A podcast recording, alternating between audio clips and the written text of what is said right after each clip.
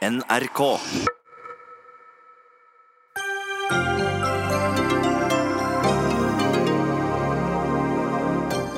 Blir røykeloven her til lands stramma inn nå, som i Sverige? Røyking forbudt på uteserveringer, togperronger, bussholdeplasser, lekeplasser og idrettsarenaer.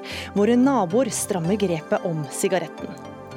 Fem år etter at de ble utestengt, har Russland fått tilbake stemmeretten i Europarådet. Utpressing, ifølge Helsingforskomiteen, som mener Norge burde stemt imot. Og de stilte opp i en sak om kroppspositivisme og selvaksept, men ble retusjert da bildene sto på trykk. Parodisk, mener komiker Sofie Frøysaa og kroppsaktivist Karina Karlsen, som kommer til oss.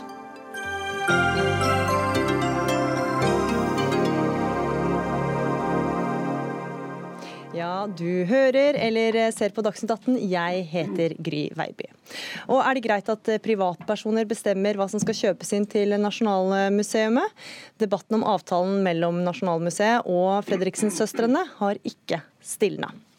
Men vi starter med en nyhet som kanskje vil påvirke deg som planlegger sommerferie hos eh, søta bror. For nå er det forbudt å røyke både tobakk og e-sigaretter en rekke steder utendørs. Målet er at Sverige skal være røykfritt i 2025. Naturlig at også vi utvider nå, sier KrF, som eh, du snart skal få høre fra. Men først til deg, Adam Sveiman. Du er politisk redaktør for Göteborgsposten. Hvordan reagerer svenskene på den nye røykeloven? Jeg tror at denne gangen, til skillnad fra det første rökförbudet, det vill säga inne på restauranger og krogar, så er det, det är fler som er irriterade nå. Man kunne nog se poengen med å förbjuda rökning inne på krogar. Det påverkade personalen, det påverkade gäster, vare sig man ville det eller ikke. Det var svårt å slippe undan röken. Denne gangen så er förbudet litt mer svårmotiverat. Uh, uteserveringar, der kan man ändå komme undan det blir litt en innskrenkning i folks privatliv på et sett som nog ikke riktigt motiveras av hälsoaspekten. Det er klart at alle forstår at rökning det er bra, eh, men det går å komme undan ned på uteserveringar oftast. Mm. Eh, och sedan kommer også frågan, hur skal det her efterlevas? Så det, det, er mer irritasjon denne gangen. Mm. Fordi som du sier, så er det et ganske omfattende røykeforbud. Det er eh, forbud på uteserveringer, togperronger, bussholdplasser, lekeplasser og idrettsarenaer. Og hvordan argumenterer tilhengerne av den nye røykeloven for at det skal være så omfattende? Alltså, argumentationen för förbudet är att man ska avnormalisera, som det kallas, rökningen. Och det finns väl en poäng i det.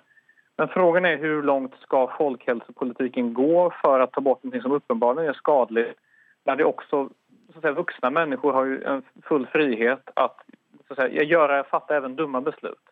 Och I det här fallet så kanske just folkhälsoaspekten kommer grann på krock med friheten av faktisk å ta en sigarett på en uteservering. Mm. Og så er det også e-sigaretter som skal forbys på disse stedene. Hvordan argumenteres eh, det? Ja, og det her viser jo at lagen på visse sett ikke er helt gjennomtenkt. Både e-sigarett og even vannpiper faktisk inngår i forbudet. Så at even produkter som altså ikke inneholder tobakk, inngår så å si, i det her forbudet. Og det gjør jo motiveringen rett konstig. for at eksempelvis E-sigaretter er jo for visse et sett at faktisk unnvike røkning. Så att det är, lagen är lite problematisk, även om avsikten är i grunden god, det vill säga att minska rökningen i samhället. Mm. Så eh, for dem som har tenkt seg på sommerferie til Sverige, hvor kan man egentlig røyke nå? Man ställer sig utenfor restaurangen og kanskje tar noen meter og akter seg for vaktene så at ikke de bärgar på en. Mm. Adam eh, Seiman, politisk redaktør i Göteborg-Posten, takk for at du var med i Dagsnytt 18. Nå skal vi til hjemlige forhold, for også her i Norge kan røykeloven eh, bli utvida. Et samla storting, med unntak av Fremskrittspartiet, har vedtatt å endre røykeloven. Men hvordan den til slutt eh, skal se ut, det er det ingen som veit. Og regjeringa har et mål om at kommende generasjon skal være røykfri. Geir Toskedal, stortingsrepresentant for eh, KrF. Eh, når du hører hva som har skjedd i Sverige, kan det bli en modell for eh, hvordan røykeloven i Norge skal se ut? Nå er det vel slik at Sverige òg har kanskje kopiert Norge tidligere, når Norge innførte røykeloven.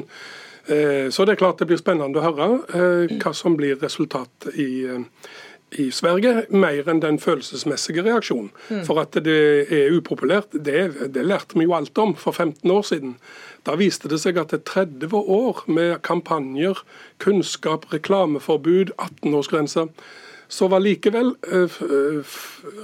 røykeprosenten for høyt. Mm. Så når røykeloven kom, så var det jo veldig upopulært. Spør Dagfinn Høybråten, jeg kjenner de nærmeste reaksjonene som kom der. Men året etterpå så fikk han masse takkekort. Da er det en helt annen situasjon. Og Spør du folk i dag, ingen vil jo tilbake til sånn som det var. Så det du, det du egentlig sier, er at de reaksjonene vi ser i Sverige nå, de kommer til å blåse over, selv om argumentasjonen her er at det bryter for langt inn i privatsfæren til folk? Ja, to ting. Det kommer til å gå over, det er jeg helt sikker på. Fordi at som han også sa, som vi ikke må glemme, alle mener jo at mindre røyking er bra. Mm. Sånn at det, folk har dette med seg. Og vi ser jo i de fem siste 15 åra så har eh, vanene og kulturen endra seg totalt. Til og med folk som er bortimot storrøykere, røyk, står ut på trappa og røyker. Altså ikke i bilen, eh, skjermer seg for unger og barn. Slik at det har skjedd veldig stor forandring. Og likevel, Men likevel så får vi rapporter og hører folk som klager på når de er på konsert, hvis de er på en lekeplass eller på et torg osv., som blir sjenert av tobakksrøyk. Og det, det, kan jo være allergi, det kan være andre ting som gjør at det, det er ikke spørsmål om å ta fra folk en frihet, det er spørsmål om å ta hensyn til de som reagere på det. Bård Hoksrud, stortingsrepresentant for Fremskrittspartiet. Dere er jo glad i å snakke om svenske tilstander. Frykter du svenske tilstander eh, for røyker i Norge nå? Ja, nå er jo Grunnen til at vi er opptatt av svenske tilstander, det er jo ikke bare bra ting. og Dette mener jeg også heller ikke er noe vi skal uh, ta etter svenskene på. Dette mener jeg er et utrolig dårlig forslag. Og jeg syns også at uh, redaktøren i, i Gøteborg sier det veldig klart, at dette skaper stor frustrasjon der. Og jeg tror man oppnår det stikk motsatte av det vi ønsker. For ja, vi er enige, vi ønsker at uh, røyk og tobakk ikke skal uh, brukes lenger av den generasjonen som kommer. Men vi kan altså ikke fly rundt og jakte etter alle som røyker og skal ta de og gjøre det mest mulig vanskelig for det. Det er altså mange som er avhengige og som ikke klarer å slutte. og Da må vi uh, prøve å gjøre andre ting som kan være positivt. Altså Vi kunne f.eks. Mm. tillatt e-sigaretter. Vi kunne tatt uh, snus uten, uten nikotin osv. Men det sliter vi jo med å få flere stortingspartiene med på. fordi man har liksom fått en sånn, man skal ta ta dette, man skal bort med dette, man skal fjerne det. Og forbud, påbud og regulering. Jeg tror ikke det er det som løser dette her. Vi må prøve å finne de gode løsningene. Og, og det, tallene stuper. Ja. altså Vi reduserer forbruket. Det betyr altså at vi går nedover. Og ungdom så er det ikke kult lenger. Det er ukult å røyke. Så andre eh, virkemidler må til? Eh. Ja, ja, helt andre ting. Jo da, det er klart tobakksrøyken stuper blant ungdom. Det er vi veldig glad for. Men snusbruken eksploderer. og Da kan du igjen få en tobakksavhengighet, som f.eks. har ført til at EU har jo eh, forbudt eh, salg av snus i alle medlemsland, unntatt Sverige. Slik at det, det går på tobakksavhengighet totalt. Eh, og det er klart at eh, ja, jeg har stor forståelse for de som røyker og har, eh, er avhengige. Det, det, men de igjen må være tjent med å få det ryktet at de ikke sjenerer andre. Det er bare det vi ber om i dette tilfellet. 88% av det norske folk er ikke røykere. Men de aller fleste er det var 12 Men, men Hoksrud, mange av argumentene du kom med nå, også de argumentene som kom da første røykeloven trådte i kraft i Norge. Jo, jo. Så vil ikke dette bare ta litt tid, og så vil man venne seg til det? Nei, altså heldigvis så tror jeg at det blir færre og færre som gjør det, og det har vi sett, og det har vært utvikling over lang tid. Det er bare 12% i eh, Norge som røyker daglig i dag. 11-12 og det, det viser jo at dette er på full fart nedover. Og det er bra, for det er jo ingen som ønsker at folk skal røyke eller, eller snuse for den sakens skyld. Men hvis man snuser, da, så er det noe man gjør sjøl, og det rammer ikke andre. Jeg er enig i at man skal ta hensyn til andre, og det opplever altså nå hvis du går på en bussplass eller hvis du er ute, så tar de som røyker hensyn til andre. Så da trenger man ikke lover for man tar hensyn til hverandre? Ja, så... vi behøver ikke lov på dette her. Og hvis vi skal ha lover, så må vi ha lover som folk faktisk respekterer og følger, og det må bli fulgt opp. Politiet har nok av andre ting de bør bruke ressursene sine på, enn et sånn type eh, regulering som dette her. Ja, jeg tror ikke politiet vil springe rundt etter røykere, men det er klart at en lov og en viser en markering av en retning som vi ønsker samfunnet skal ta. Og, og både du og meg... Håndheva, ikke noe stort poeng? Jo, han vil nok bli håndheva der det trengs. Men som svenskene har sagt i sitt uh, modell, at de vil be folk om å slutte og be de gå vekk. Vel, det er en fin måte. Da får du en markering som vil fungere over tid, slik som røykeloven har gjort i disse 15 årene han har forhandla. Men hvis vi skal tilbake til tallene, Toskedal. Ja. 12% av nordmenn eh, røyker daglig. Ja. Hvorfor vi, trenger vi en lovregulering på noe de færreste driver med? Nei, det er ikke for å ta de 12 prosentene. Det er for at de 12 prosentene ikke skal røyke på offentlige steder. Det er det det er snakk om her. Eh, som er til sjenanse for andre. Og det er det vi får en del henvendelser for. Så er det ikke helt rett at det er ikke bare personer som skal ta hensyn til andre. Vi vet jo når det gjelder brannstatistikken, så ser vi jo eh, stygge tall eh, blant røykere som er overrepresentert. Vi har helseproblemer i samfunnet ellers. At andre blir påført allergi og ubehag. Altså Slike ting ønsker vi å gjøre oppmerksom på at samfunnet ikke vil ha. Og så er det en liten element til. At det er mange ungdommer som begynner å røyke, som ikke kjenner til faremomentene, eller som kanskje har for lite kunnskap. Det har holdt seg stabilt på 3 eh, de siste årene med unge røykere, da? Ja, og, og dersom de, du får en avhengighet i ungdommen, så blir det vanskeligere å slutte. slik at det, her er jo mange argumenter. Eh, og så må jeg minne Men, men, men, men hvor henter du fra at det er mange unge som begynner å røyke? Nei, det er mindre færre, det er færre nå, heldigvis. Selvfølgelig. Og det er vi veldig glad for. Men økningen har kommet på snus. Det er jo et faktum. Både blant gutter og jenter. Men så må jeg jo få lov å minne eh, Bård Hoksrud på at i Granavolden, avtalen med Frp, Høyre, og Venstre og KrF, så er vi enige om å utarbeide en ny tobakksstrategi med mål om en generasjon uten tobakksavhengighet. Og Hva syns du det, Hoksrud? En, en, tobakksfri, røykfri generasjon? Ja, Det her ville vært fantastisk bra. Det er jo et mål vi må jobbe mot. Men jeg tror at det er helt andre tiltak. Og som jeg sa, Vi kunne se på snus, eh, nikotinfri osv. Men samtidig må jo du eh, innrømme at eh, røykeloven sist gjorde at mange færre røyker i dag? Ja, Det er ikke tvil om at mange har slutta å røyke pga. det, og det er bra. Men jeg er jo, tror jo, Fremskrittspartiet tror ikke at det alltid er sånn som KrF ofte kommer. Hvis det er noe som folk gjør og som man, liksom man ikke liker, ja da skal man forby og påbud og regulering og styring. Eh, vi tror faktisk at med andre gode, eh, gode tiltak eh, og, og, ting som vi kan gjøre, så får man de gode løsningene. Nå må vi til og med se på svenskene hvor gærne de har vært at e-sigaretter og og vannpiper er ting som man også skal forby, så, så blir det helt håpløst. Og jeg håper ikke vi skal få sånne tilstander i Norge. Men, men ikke, ikke svenske tilstander i nei, Norge, Tostein? Nei, dette er ikke styring. Dette er ikke et ønske om å, å styre de som røyker. Det er et ønske, ønske om å be dem om, om, å ta hensyn. Ja, det, så enkelt er det. Det gjør jo heldigvis de fleste, og det skal vi fortsette å gjøre. Jo, de gjør det. Og der setter jeg strek. Da er vi enige om at røykere må ta hensyn. Og du vil ikke ha svenske tilstander i Norge. Du er litt mer usikker. Bård Hoksrud, stortingsrepresentant for Fremskrittspartiet, og Geir Toskedal, stortingsrepresentant for KrF. Takk for at dere var med i Dagsnytt 18. Dagsnytt 18 alle hverdager klokka 18. På NRK P2 og NRK2.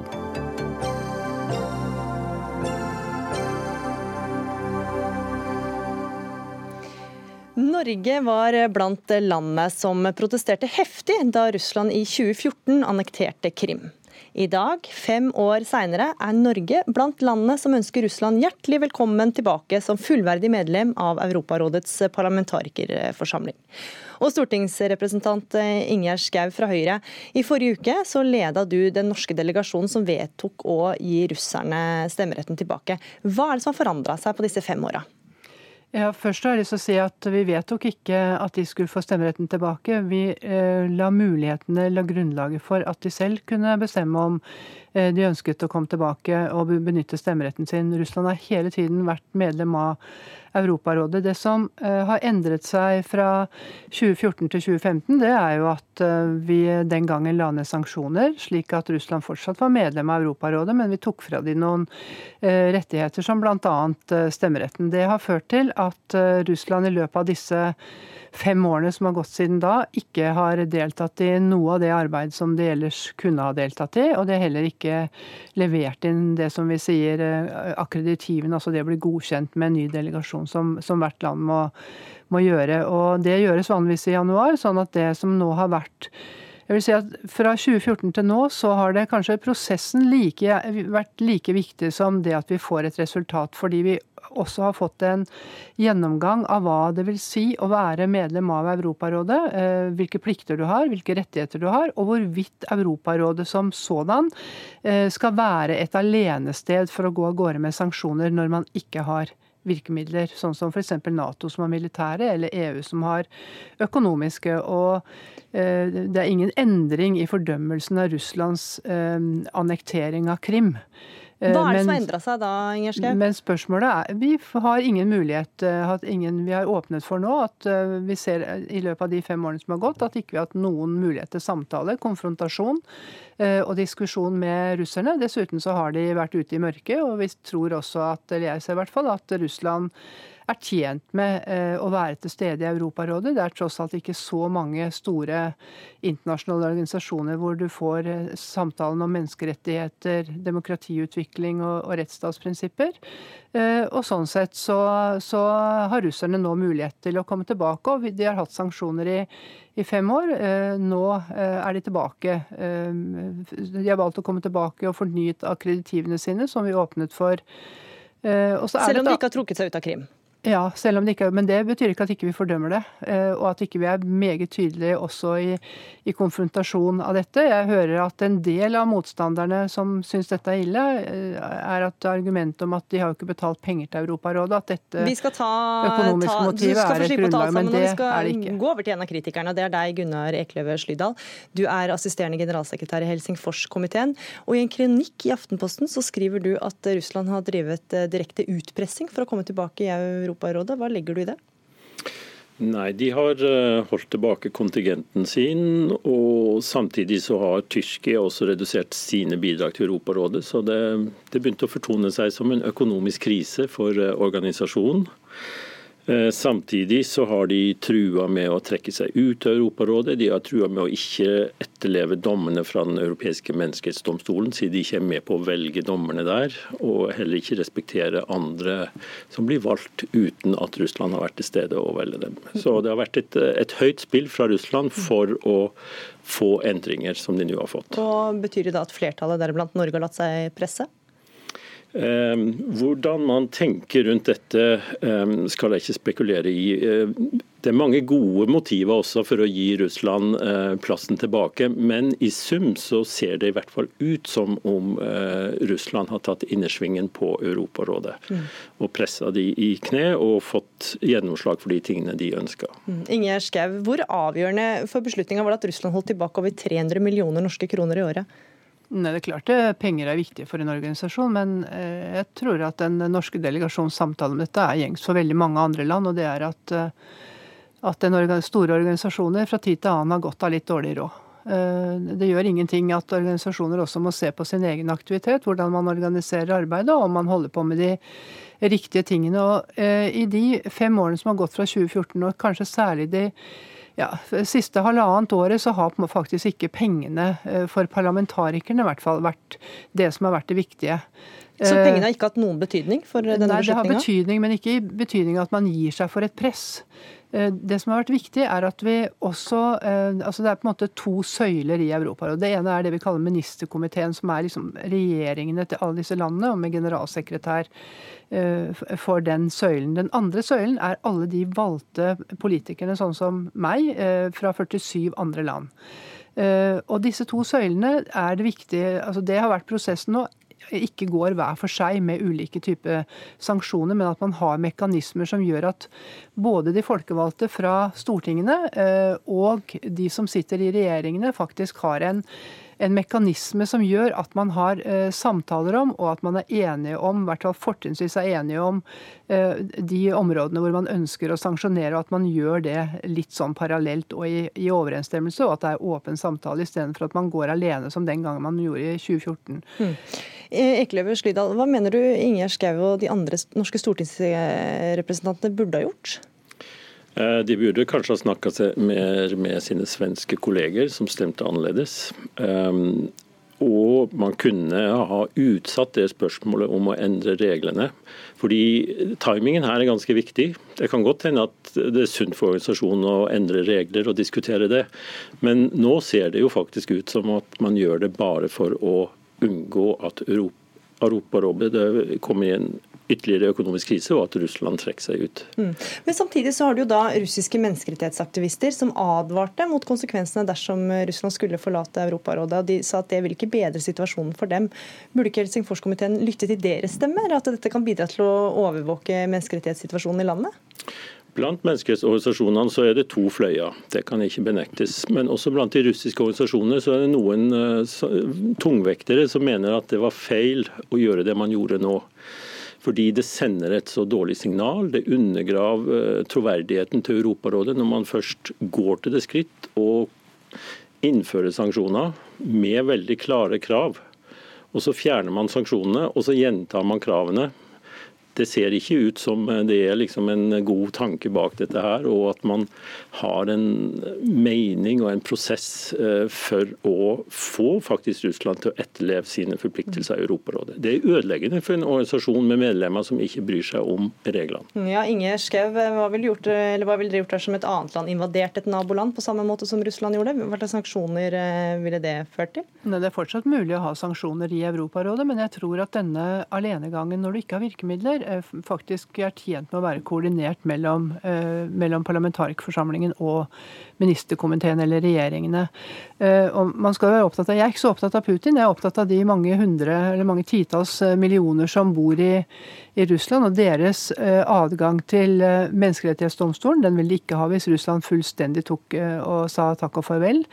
Og i tillegg så vet vi at menneskerettighetene i, for mange i Russland på flere områder, altså ytringsfrihet, ja, bare for å nevne det, ulike typer altså heterofili, homofili osv., ikke har gode kår. og at vi mister muligheten for å nettopp adressere disse tingene hvis, og når Russland da ikke deltar. Men til spørsmålet ditt, så er det klart at virkemidlene ligger der. Men spørsmålet er om man er tjent med den type sanksjoner alene. Dessuten så er det også et annet forhold, og det er at når man sender av gårde en delegasjon valgt på vegne av parlamentet i det enkelte land, altså disse 47 landene, så er jo spørsmålet hvor, hvor er det man skal på en måte inndra disse ja, tillitsvotum eller ilegge sanksjoner. og Det er ikke noe sånn carte blanche for russerne å komme inn. De kom med en delegasjon nå som ble delvis godkjent på over 30 representanter.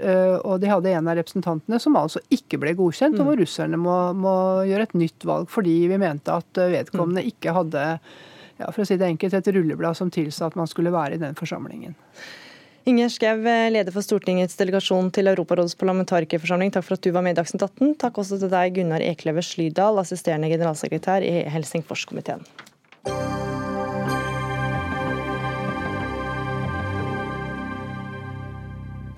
Forskere må lære mer av bloggeren Sofie Elise, mener UD-direktør.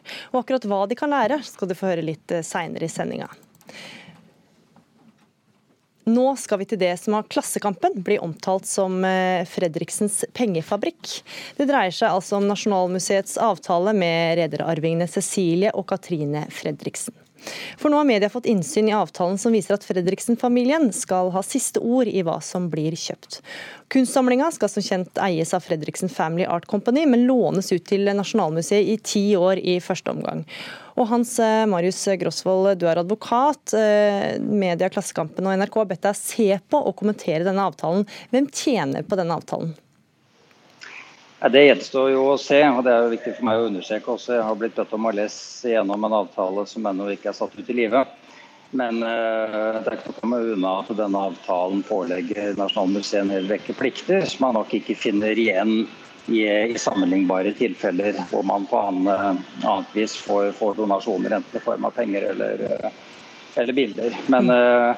det, det, denne avtalen gjør, er jo bl.a. Å, å pålegge Nasjonalmuseet en plikt til, til å bistå Fredriksen-familien i forbindelse med anskaffelse og kjøp av uh, maleriene. og Senere så skal jo disse, disse bildene da stilles ut, og, og, de vil jo da få en ganske omfattende eksponering, som man i alle fall kan spørre om ikke også på sikt innebærer en betydelig verdiøkning for bildene. Den har blitt omtalt som et drivhus for privat, privat, privat formue. Hvorfor det?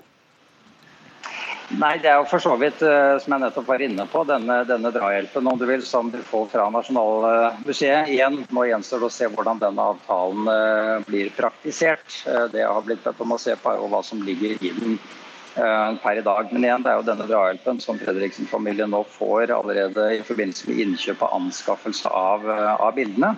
Det følger helt klart av avtalen at der skal Nasjonalmuseet hjelpe til, og de skal da også eksponere disse bildene på en, eh, på en, måte og i et omfang som jeg vel er ganske sikker på at en del andre samlere også, gjerne, også, gjerne, skulle hatt. Mm. Karin Hinsbo, direktør ved Nasjonalmuseet. Hvorfor har dere sagt ja til en avtale der Fredriksen-familien får siste ord i hva som skal velges? Dette er jo en mulighet for å etablere en samling av kunst i verdensklasse. Der snakker vi de topp internasjonale navn. Og det er eh, kunstverker som vi aldri vil kunne komme i nærheten av å kjøpe inn hvis ikke vi inngikk denne her type samarbeid. Uh, Men hvem det er det som bestemmer at, hva som blir kjøpt inn, da? Det, det stemmer at, at, dem der betaler regningen i siste ende, det er familien Fredriksen. Men det er Nasjonalmuseet der bestemmer hva som skal inn i museet, hva som skal stilles ut i museet, og hva som skal i våre magasiner. Men hvem er, skal, hvem er, det som bestemmer hva som skal henges opp? Eller altså, hvem er det som siste ordet her i valg av kunst? Det er Nasjonalmuseet der til enhver tid bestemmer hva som skal vises i Nasjonalmuseet, også i det her tilfellet.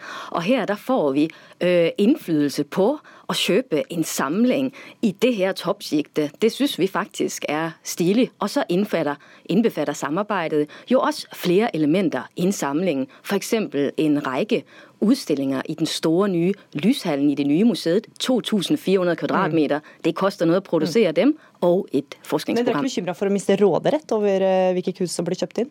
Nei, Det er jo Nasjonalmuseet der bestemmer hva der skal vises i Nasjonalmuseet til enhver tid. Og de verker vi tar inn, dem behandler vi som vi behandler alle andre verker. Og det er det der også står i avtalen. Tommy Sørbø, kunsthistoriker. Du er kritisk eh, til eh, dette, altså at Fredriksen Art Company i praksis kan bestemme hva slags kunst som er på veggen i Nasjonalmuseet. Hvorfor det? Eh, ja, det er det ene. At man lar privatpersoner få makt over innkjøpspolitikken. En ting er som Hinspo sier hva som vises, men noe annet er jo hva som kjøpes. Eh, og dessuten så vil jeg jo si at eh, eh, det er Altså Dette er kunst i verdensklasse, som du sier, og det er en stor mulighet for oss. Men hvis det er viktig for en rik privatperson å vise frem kunsten, så kunne man jo gjøre som andre rike privatpersoner har gjort.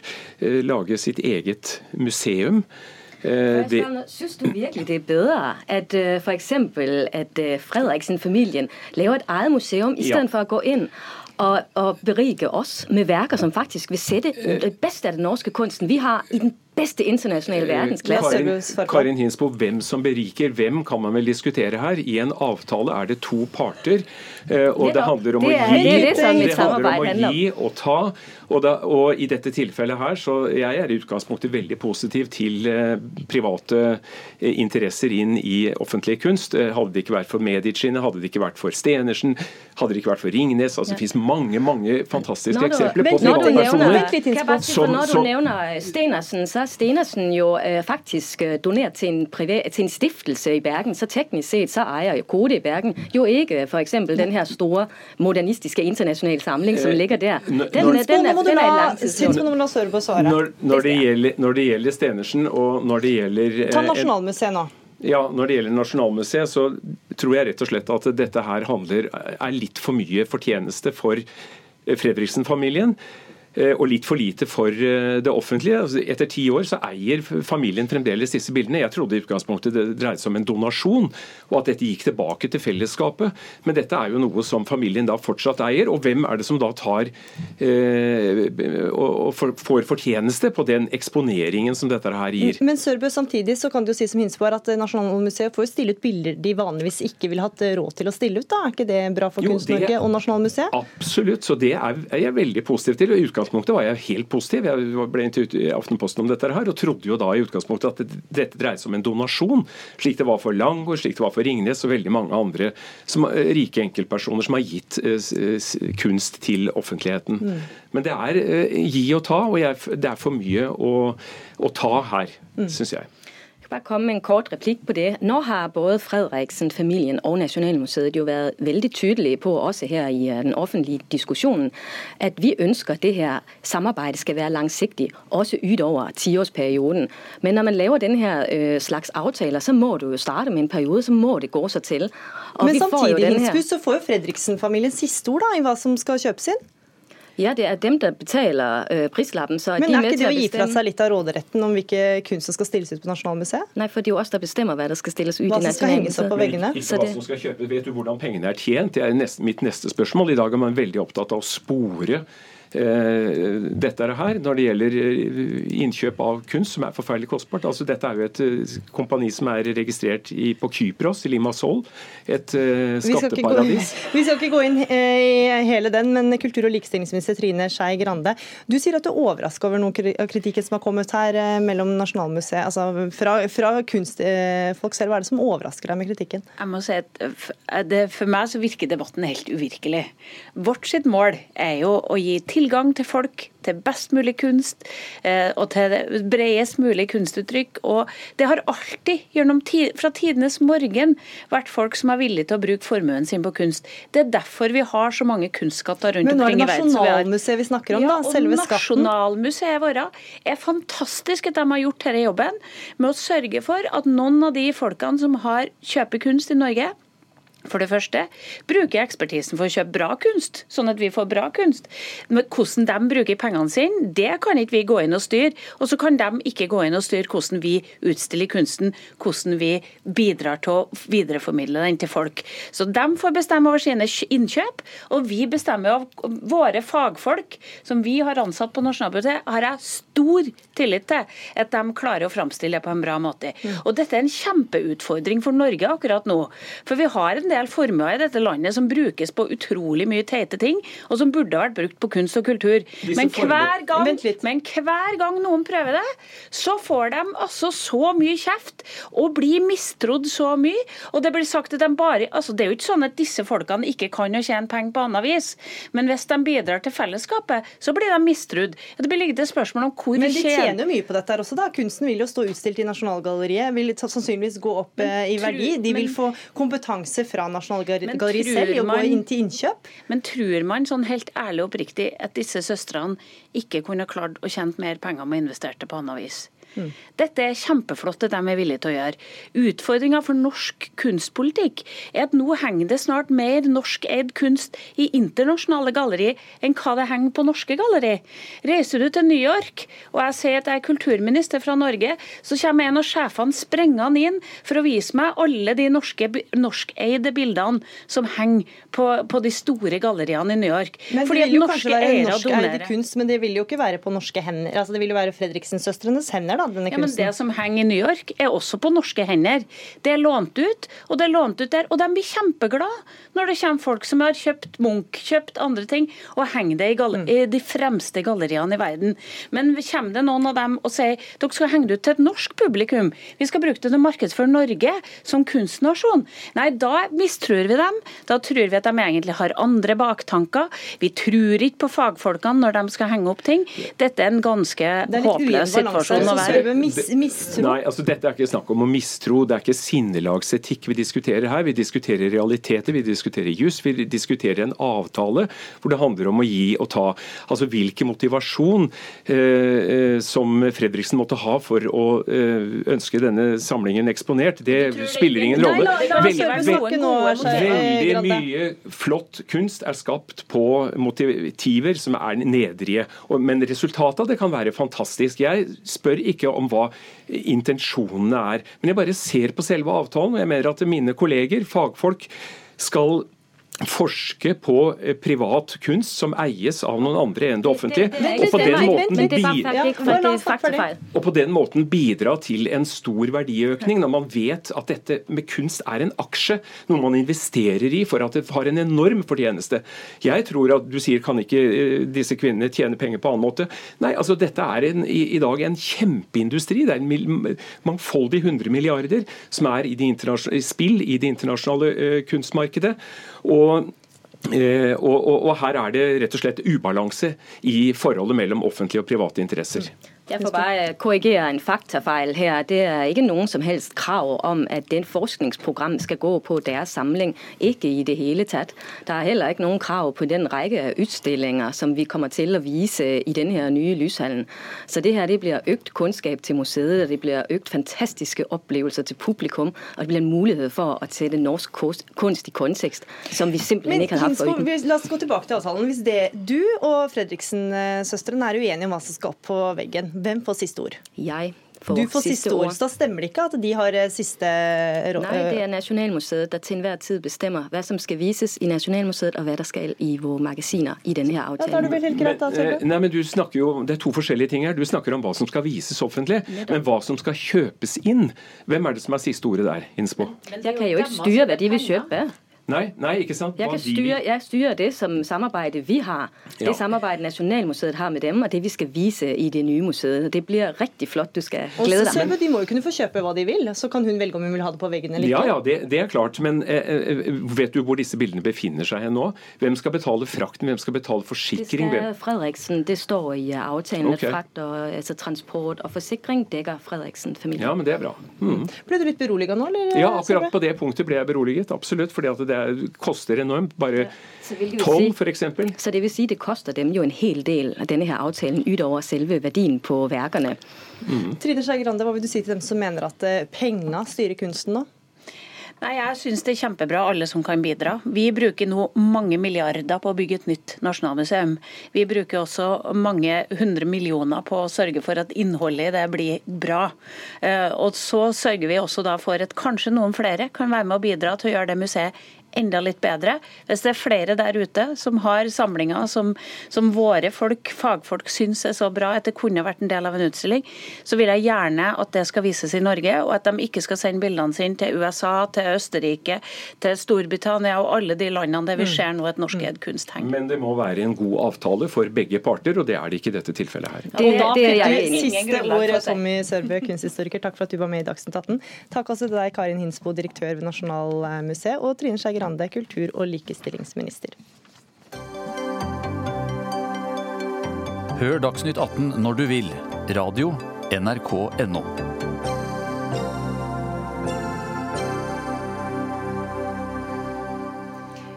Jeg eier eh, kroppen min. Det var overskriften i en L-reportasje med komiker og forfatter Sofie Frøysaa og kroppsaktivist Karina Elisabeth Karlsen i juni. Men da bladet kom i hyllene, ble reportasjen om holdninger til egen kropp illustrert med retusjerte bilder, skriver eh, VG. Og Sofie Frøysaa, forfatter og komiker, eh, hvordan opplevde du å se reportasjen eller bildene om deg selv?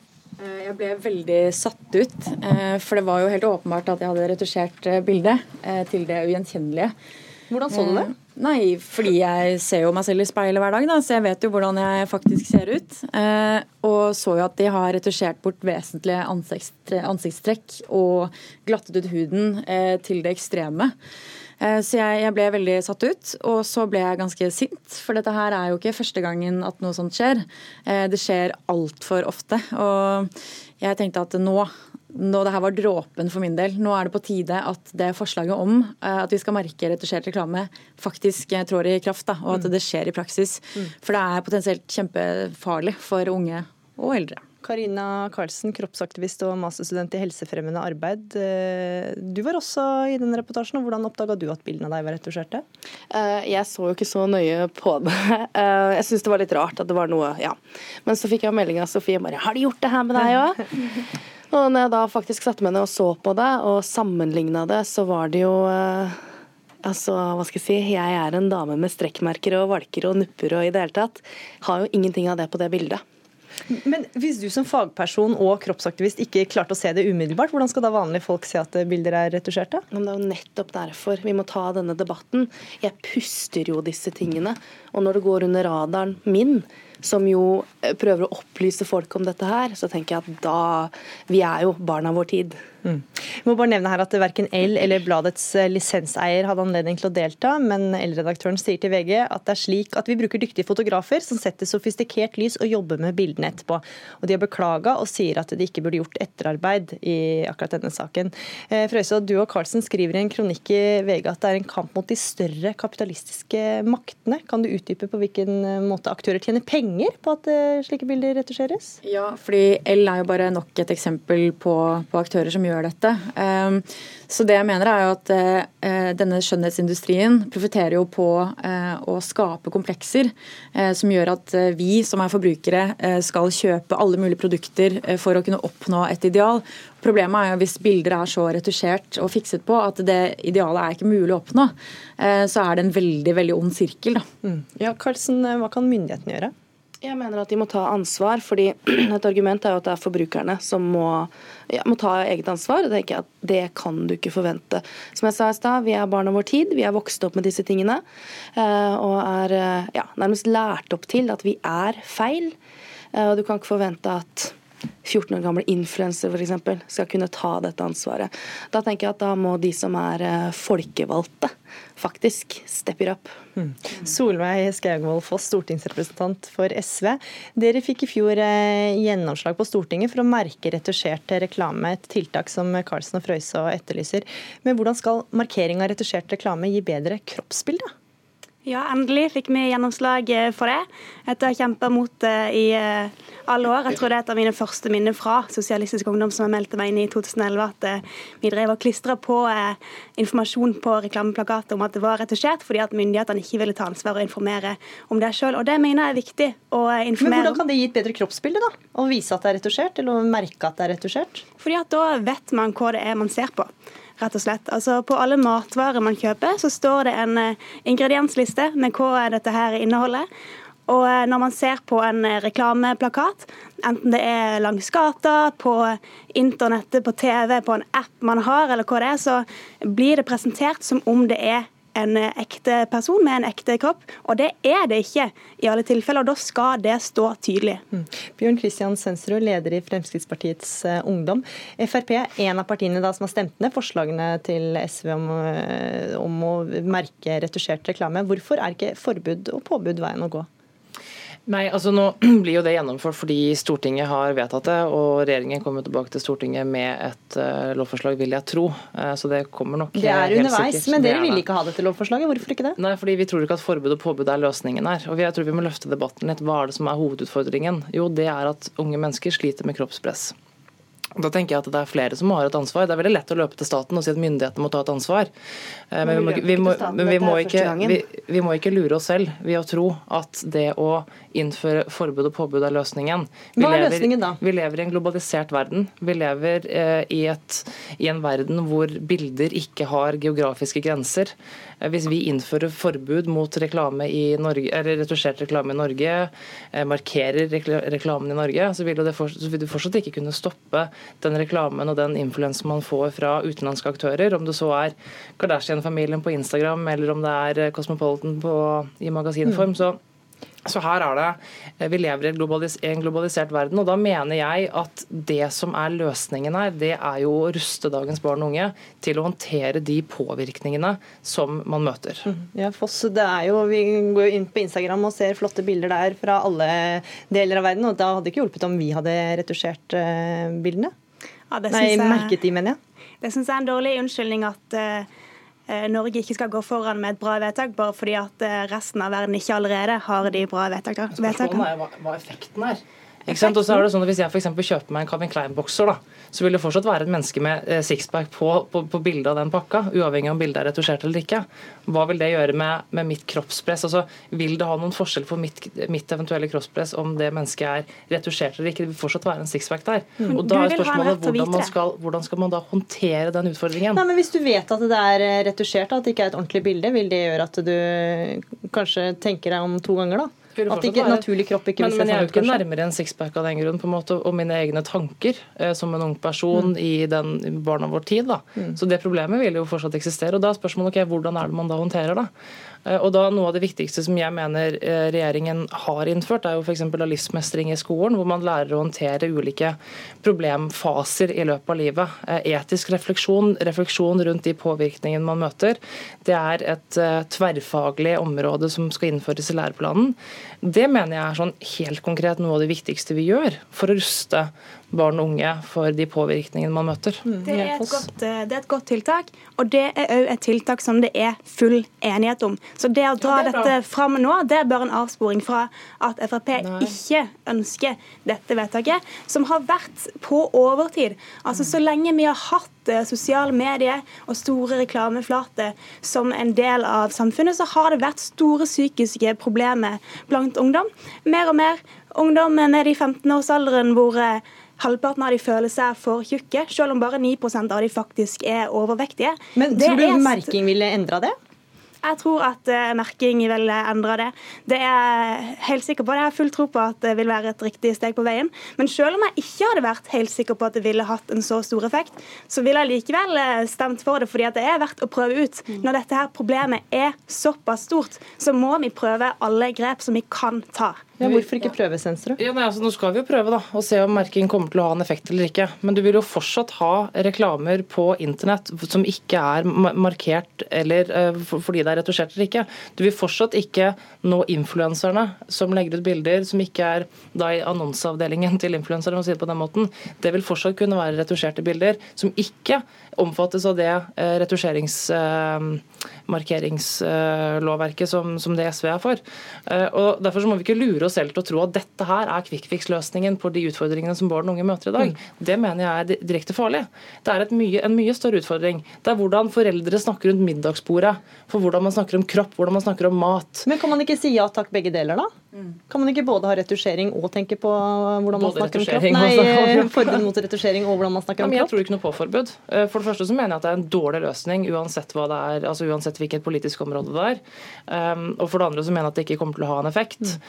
Uh, et uh, fristende eksempel er jo å se da London skulle forby fastfood på Eh, offentlige sted, altså Offentlig transport har jo reklame, og der skulle man ikke lenger reklamere for fastfood. Eh, det som da skjedde var jo at De som har fastfood med salater og eh, fastfood sushi, ikke fikk lov til å ha muligheten til å reklamere for det lenger fordi man ikke skulle ha fastfood-reklamer. Det er jo en effekt av et typisk forbud. ikke sant? Det er gode intensjoner, men det kan slå veldig feil ut. Og Jeg mener at forbud ikke er løsningen, men SV tyr veldig ofte til forbudslinja. Ja, men altså, Hvis det er sånn at noen bare retusjerer dritmye fordi det er et forbud, så må jo de få lov til å gjøre det. Jeg bare synes at det er, eh, det er veldig lite hensiktsmessig å eh, plassere skyld hos eh, enkeltindivider, sånn som vi ofte gjør med influensere f.eks. At vi har ikke noe kontroll på at ikke de retusjerer bildene sine. Men de er også bare et symptom på et større problem. De er offer for den samme industrien. Og det er ikke noe quick fix, men jeg tenker at det er heller ingen motsetning. Vi kan ha livsmestring, og det er kjempefint. Og dette er nok et bidrag til å eh, gi ungdom de verktøyene. Da. For det er jo noe med at selv om du scroller, og selv om du kjører forbi eh, med bussen og er liksom, du får disse plakatene trøkket opp i trynet hele tiden, så er det noe med å bare minne de på. Fordi mm. hjernen blir lurt hele tiden. Man er eksponert for det hele tiden. Så du tenker at åh, sånn her har jeg også lyst til å se. Vi har alle vært uh, unge og usikre og vet hvor mye Altså, jeg har brukt utallige tusen på uh, skjønnhetsprodukter som skulle gjøre at huden min ble bedre. Hadde jeg visst den gangen jeg var 15 at dette her er bullshit, sånn her ser ikke noen ut i virkeligheten, for det er fikset på, så hadde det hjulpet meg. Det vet jeg. Og jeg vet at noe sånt som dette kan hjelpe de unge, da. Og da tenker jeg at Alle som er forbilder, og jeg tenker også influensere, har et veldig stort ansvar når man velger å være en influenser. Jeg har et ansvar for de mm. bildene som jeg legger ut på min Instagram, at ikke de er for retusjerte for hvordan det fremstår. Hvor godt syns du influensere tar dette ansvaret i dag, da? Jeg syns det er flere og flere som, som, tar et ansvar. Dette er et eksempel på to influensere som tar et veldig stort ansvar. Eh, Joakim Kleven er et annet som har generasjon 2.0, som et veldig godt eksempel på, på, å ta ansvar. Det er flere influensere som gjør det. Eh, vi ser også et større mangfold innenfor modellbransjen enn hva man gjorde tidligere. Så det er en utvikling her. Men jeg tror at jeg er helt enig at Man skal ikke legge, på en måte legge ansvaret på, på enkeltindivider, men jeg tenker jo at eh, influensere som bransje har et ansvar. Jeg tenker at foreldre har et ansvar. Og i den grad vi politikere har et ansvar, så handler det om hvordan vi ruster skoleverket mm. for å ruste barn og unge for hvordan de skal håndtere ulike påvirkninger. Men akkurat det er du vel ikke uenig i, Foss, at vi alle har et ansvar? Vi har alle et ansvar. Jeg er veldig takknemlig for eh, Eh, for eh, disse her to og for alle andre influensere som eh, virkelig tar det ansvaret de har. Og jeg syns Frp burde ta et ansvar som parti. Og her blir det nok en gang tydelig hva som er viktig for et politisk parti. Altså Jeg skjønner de liberalistiske verdiene om å ha et fritt marked, men altså det er forskjell på å gi en bedrift frihet til å reklamere for et produkt, og det å gi en bedrift frihet til å tråkke på ungdoms sjølbilde og har ha fullt eh, frislipp i å definere hva som skal være naturlig, hva som skal være ekte, og hva som eh, folk skal vokse opp med som normalt. Jeg er opptatt av å ikke lure folk. Det å komme med enkle løsninger. altså Forbudspolitikk er kjempeenkelt. da. Men så kan man jo samtidig si, spørre deg, Foss, for at L-reportasjen har fått veldig mye oppmerks negativ oppmerksomhet, og mange er oppgitte over at disse ble retusjert. Er, ikke, er ikke det mer effektivt, da? At vi begynner å snakke om dette og at folk reagerer og tar avstand, enn hva dere politikere vedtar? Ja, det er kjempebra at når folk får informasjon om at det er retusjert reklame, så reagerer de. Og det sier de tydelig at de ikke vil ha. Derfor så burde de fått den informasjonen oftere. Hele tida. Hver gang det er snakk om retusjerte kropper, så burde den informasjonen gis. Så kan folk eh, ha disse reaksjonene som de har vist eh, i dag, at er normalen blant eh, befolkninga. At eh, de ønsker seg heller naturlige kropper. Mm, Men det er jo mye uts utseendepress også i venneflokken. Da har politikere egentlig noe å stille opp med da? Altså, jeg, jeg, blir litt sånn oppgitt når man sier at nei, men dette er ikke noe quick fix. Selvfølgelig er det ikke det. Dette er et kjempekomplekst problem. Men at man da skal sitte og jeg, Det der med at uh, det er ikke noe vits i Norge fordi det skjer i utlandet, det, den tematikken eller tankegangen kan man bruke på hva som helst. Det er ikke noe vits i å forby noen ting, da fordi at det skjer her i verden. Uh, så jeg tenker at uh, Livsmestring kjempefint, men vi må ha mer kunnskap. Det må inn. Vi må snakke om dette her fra barna er små. Men dette forbudet tror jeg har kjempeeffekt. Nå ser vi jo hvor mye reaksjoner det ble det. Det var det tre dager siden vi oppdaga det, liksom. Uh, og nå er vi her. Um, flere og flere Altså, Folk vil ikke ha det. Vi lar oss lure fordi vi ikke får beskjeden. Vi tror det er sånn. Du ser jo på Instagram også hvordan folk eh, legger på filter, de endrer altså photoshopper Men de kommer ikke til å skrive at de har gjort det der på Instagram heller? Der mener jeg etiske retningslinjer også for influensere var et kjempefint tiltak som blei ble laga i fjor, og så har det stoppa opp. Mm. Vi må ha flere sånne ting. Og myndighetene, nei, det er ikke deres ansvar ene og alene, det er alles ansvar. Men nå er vi to enkeltpersoner som har fått dette i gang, og det syns jeg er helt latterlig. Kjempefint at vi får muligheten, men dette er faktisk deres ansvar. Men det kommer et regelverk eh, på det, og det er vel også rett rundt hjørnet? for alt du vet. Sofie Frøysa, forfatter og komiker, og Karina Karlsen. Eh, Solveig Skaugvold Foss og Bjørn Christian Svensrud, takk for at dere var med i Dagsnytt 18.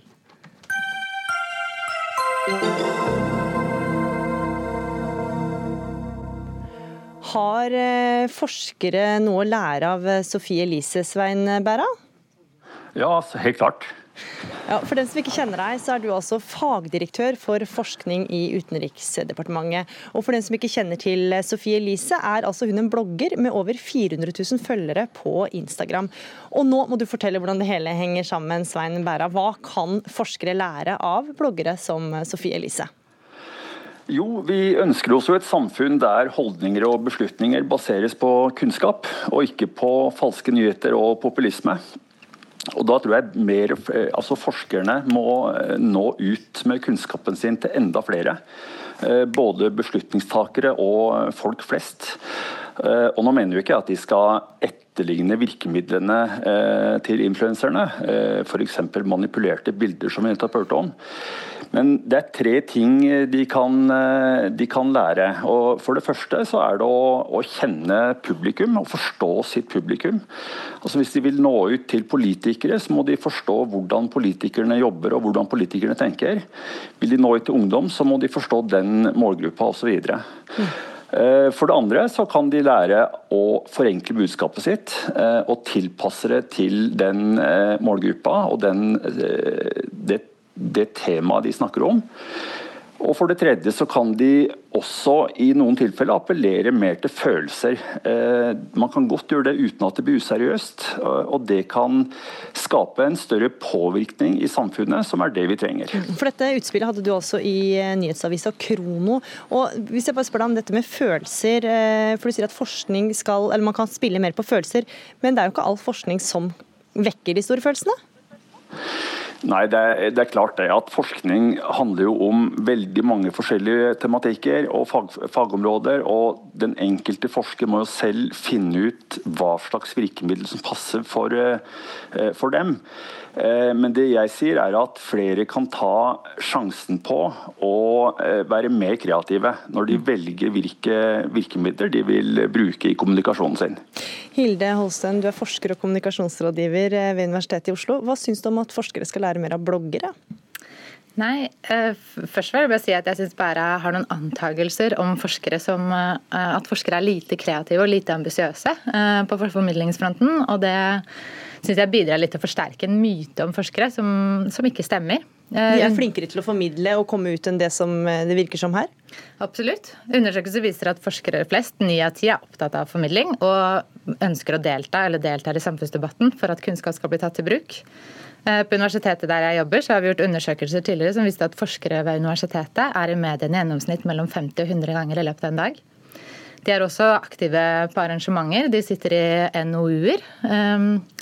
Som bidrar til å prege politikkutformingen. De skriver også sakprosabøker, og på universitetet har vi blogger, podkaster og forskningsaviser i det hele tatt. Og så har også forskere undervisningsplikt, som betyr at 50% av tiden deres skal de mange da, bidra eller undervise studenter ved universitetet. Og det er 28 000 studenter som hver gang får formidla forskning. Mm. Så bare kanskje ikke forskere trenger å lære så mye av Sofie Elise, kanskje de er eh, Sofie Eliser eh, sjøl? At de er flinke til å formidle?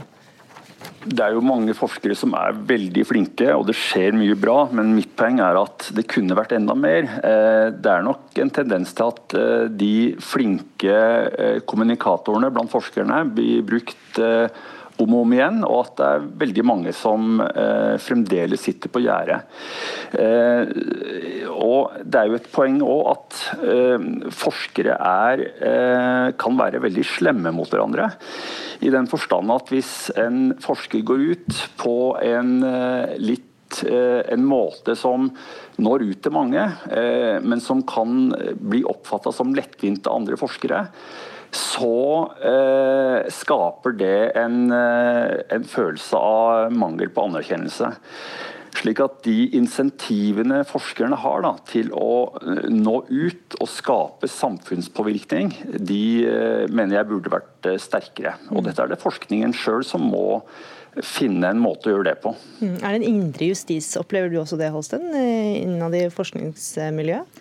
Jeg må si at jeg opplever det i veldig liten grad, og har ikke snakket med noen som opplever det i en veldig sterk grad. Nå er det jo også diskusjon om hva man skal si og ikke, og mye av den diskusjonen som foregår, syns jeg er fruktbar for alle parter. Bare det, det er jo ytringsfrihet også på Universitetet i Oslo, så hvis noen er uenig med en annen forsker, så er det lov å si fra om det. Men eh, det er selvfølgelig ikke bra at eh, hvis er, folk opplever at det er en slik indre justis. Men um, hvis jeg skal spørre bære litt tilbake om hva han mener. Eh, fordi Før jeg kom hit i dag, så leste jeg to av innleggene som er på Sofie Elise sin blogg. Hvorav det ene handler om at hun tar CBD om kveldene, og det andre handler om at eh, hun et, eh, anbefaler et vegansk kosttilskudd.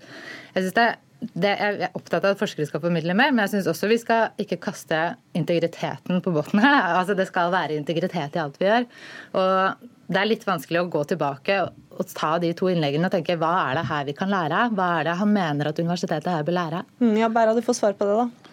Ja, nei, som jeg sa, jeg mener jo ikke at forskere skal prøve å etterligne eh, de bloggerne som eh, du snakker om. Men, Men du tar jo til orde for å gjøre stoffet mer tilgjengelig. da Kan det gjøre at eh, man forenkler litt for mye?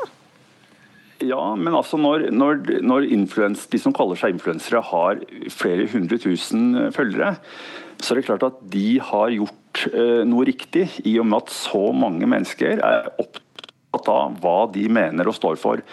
Det er jo det jeg mener at forskere skal lære. At de skal ikke nøye seg med å nå ut til eh, bare noen få, men at de skal nå ut til mange, slik at kunnskap kan danne grunnlag for holdninger og beslutninger i samfunnet. Mm. Har du lest bloggene til Sofie Elise da, Bæra?